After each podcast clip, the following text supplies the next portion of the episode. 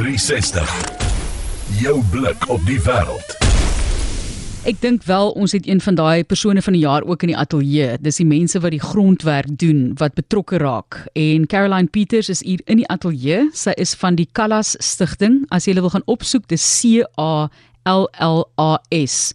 Jy kan gaan kyk by callusfoundation.org.za en ons praat oor vroue in konflik met die gereg en om vir vroue te help om toegang te kry tot die gereg om geregtigheid te laat geskied. Baie welkom aan jou Caroline. Ai baie dankie. Dankie vir die uitnodiging. En ten spyte van die werk wat jy doen in die, die area waarby jy betrokke is, jy is so positief en lig. Jy weet sy eh, ons het 'n bietjie gespot nou van lig af. Albei van ons het rooi lippe aan ja. en die naas is gedoen en so ja. mense moet hom nog steeds die lewe vier op 'n manier, né? Nee. Definitief, definitief Marilis. Waar die Kalla Stichting begin, Caroline? Okay, ons het begin in 2018. Um ek doen al die werk meer as 3 dekades. En as ek net wil ek wil net so 'n 'n stap terugvat. Um so 3 maande voor my 16de verjaarsdag was ek die 'n bende verkrag. En ek het nooit gedink dat dit gaan wie se catalyst um wat vir my gaan aanspoor om die werk te doen en met soveel passie en en soveel force en en ek is baie uitgesproke oor vroueregte. Ek is 'n aktivis al jare. Maar dit dit dit was nie maklik nie. Dit was 'n lang healing journey. Dit was om klomp draaie en so vind ek myself uh, toe dan as 'n in eerste eerste instansie as 'n um volunteer werke vir rape crisis. En ek sal nooit vergeet die toe ek die die advertensies sien dat hulle soek um mense wat wil volunteer.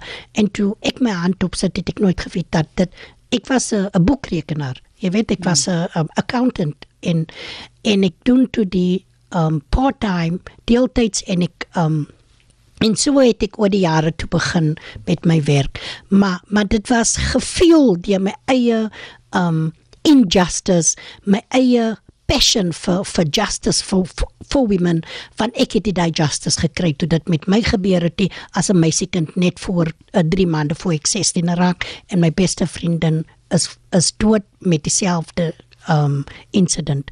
En jy weet um oor die jare het ek gewerk vir by Sarkie Bartman sentrum vir vroue en kinders van van dit oop is in 1999 tot 2018 ek was met die Little Abantu met 1000 women one voice was ek vir jare.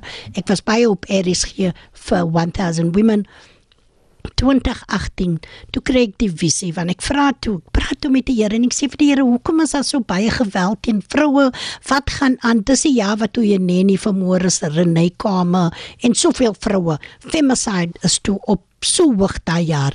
En ek praat en en die Here sê vir my maar die mense is honger en gang violence op die Cape Flats. Ek werk op die Cape Flats op en en gang violence is op sy hoogste die tyd.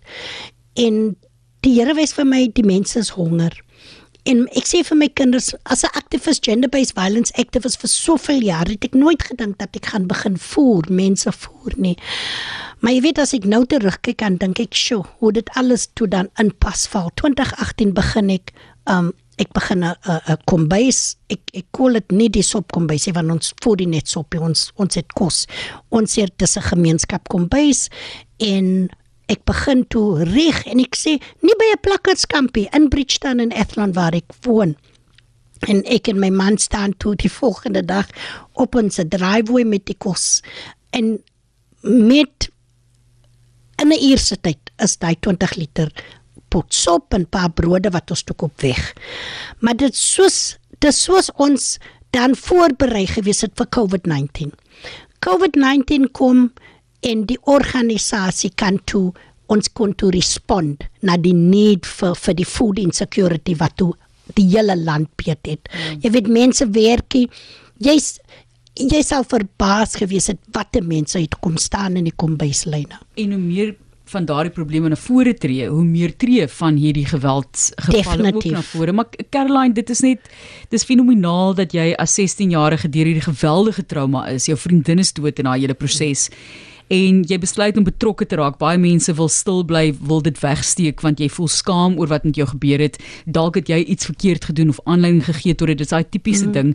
En jy mm. sê geregtigheid het nie vir jou geskied nie. Ja. Kom ons praat dan nou juis oor vroue in konflik met die reg. Ja. Wat bedoel jy daarmee en op watter manier spreek julle toegang tot die reg en geregtigheid aan deur die Kala Stichting? So, ehm um, met soos ek sê met COVID toe toe sien ek hoe baie vroue is daar wat dwelms misbruik maar dis vroue wat in in in in verhoudings is wat 'n gesinsgeweld is. Dis vroue wat um en en ek praat en as ons praat van die intersection die intersection van gender based violence and substance misuse. So vroue mishandel die die die die dwelms maar almal is in verhoudings en baie violent verhoudings.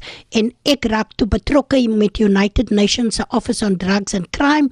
Hulle maak toe die Women's Legal Center vir al aan watter organisasie werk met vroue wat dwelms misbruik maar wat gesinsgeweld ondervind. En dis hoe ek betrokke raak met dit. En toe ons deur Covid tyd die die supportgroep begin met die vrouens wat want onthou daar was die sigarette nie daar was die dwelms nie daar was niks nie. So die vroue en daai die die die die die increase van gender based violence ons weet deur in COVID uh, die gedurende daai tyd was baie hoog en dit was baie meer onthou vrouens was opgesluit met perpetrators deur COVID-19 en gefrustreerde perpetrators yes, soos jy sê. Gefrustreerde, daar's die drankie, daar's die sigarette nie. Hulle kan nie um beweeg nie, gangs kan nie vorm nie en sulke goed. En um dis waar ons dit sien. En met die en dis waar die die navorsing toe gebeur. Deur 'n universiteit, ons kom en ons doen navorsing oor vroue wat in konflik is met die met die gereg.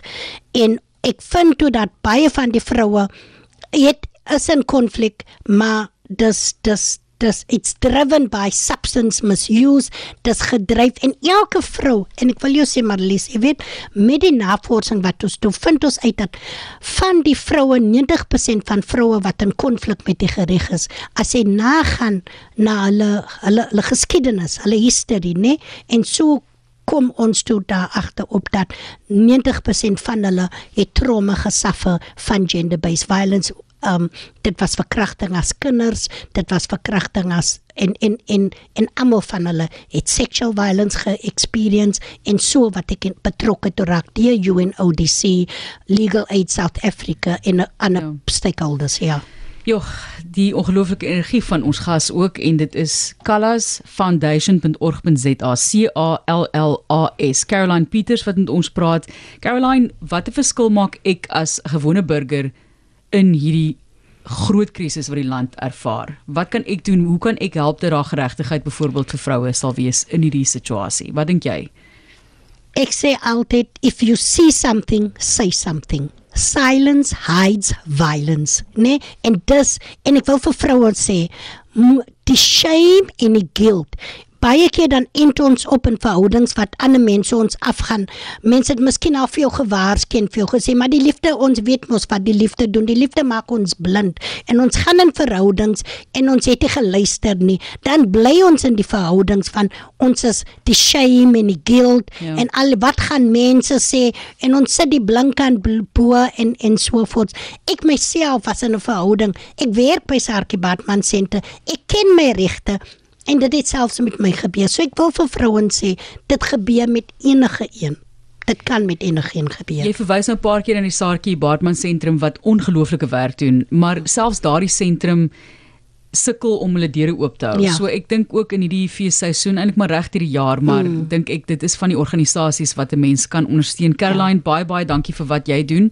Mense kan gaan na die webblad, daar is so baie um, ons het 'n hele dokumentêr ja. dink ek oor jou lewe om ja. oor te gesels, maar is alles op die webblad. Daar kan mense gaan loer ja. en vir julle ook help op so 'n manier. Dis reg so. Baie Goed. dankie vir die Dit is dan Callas Foundation. Ek gaan dit weer vir jou spel. C A L L A S Foundation www.org.za. Dis Caroline Peters wat met ons gesels het hier op RSG en fantastiese werk wat sy doen om vir vroue toegang te gee tot geregtigheid na haar eie groot groot trauma wat sy ervaar het net voor haar 16de verjaarsdag. Ons sê baie dankie vir mense soos hierdie. Dit is die ware mense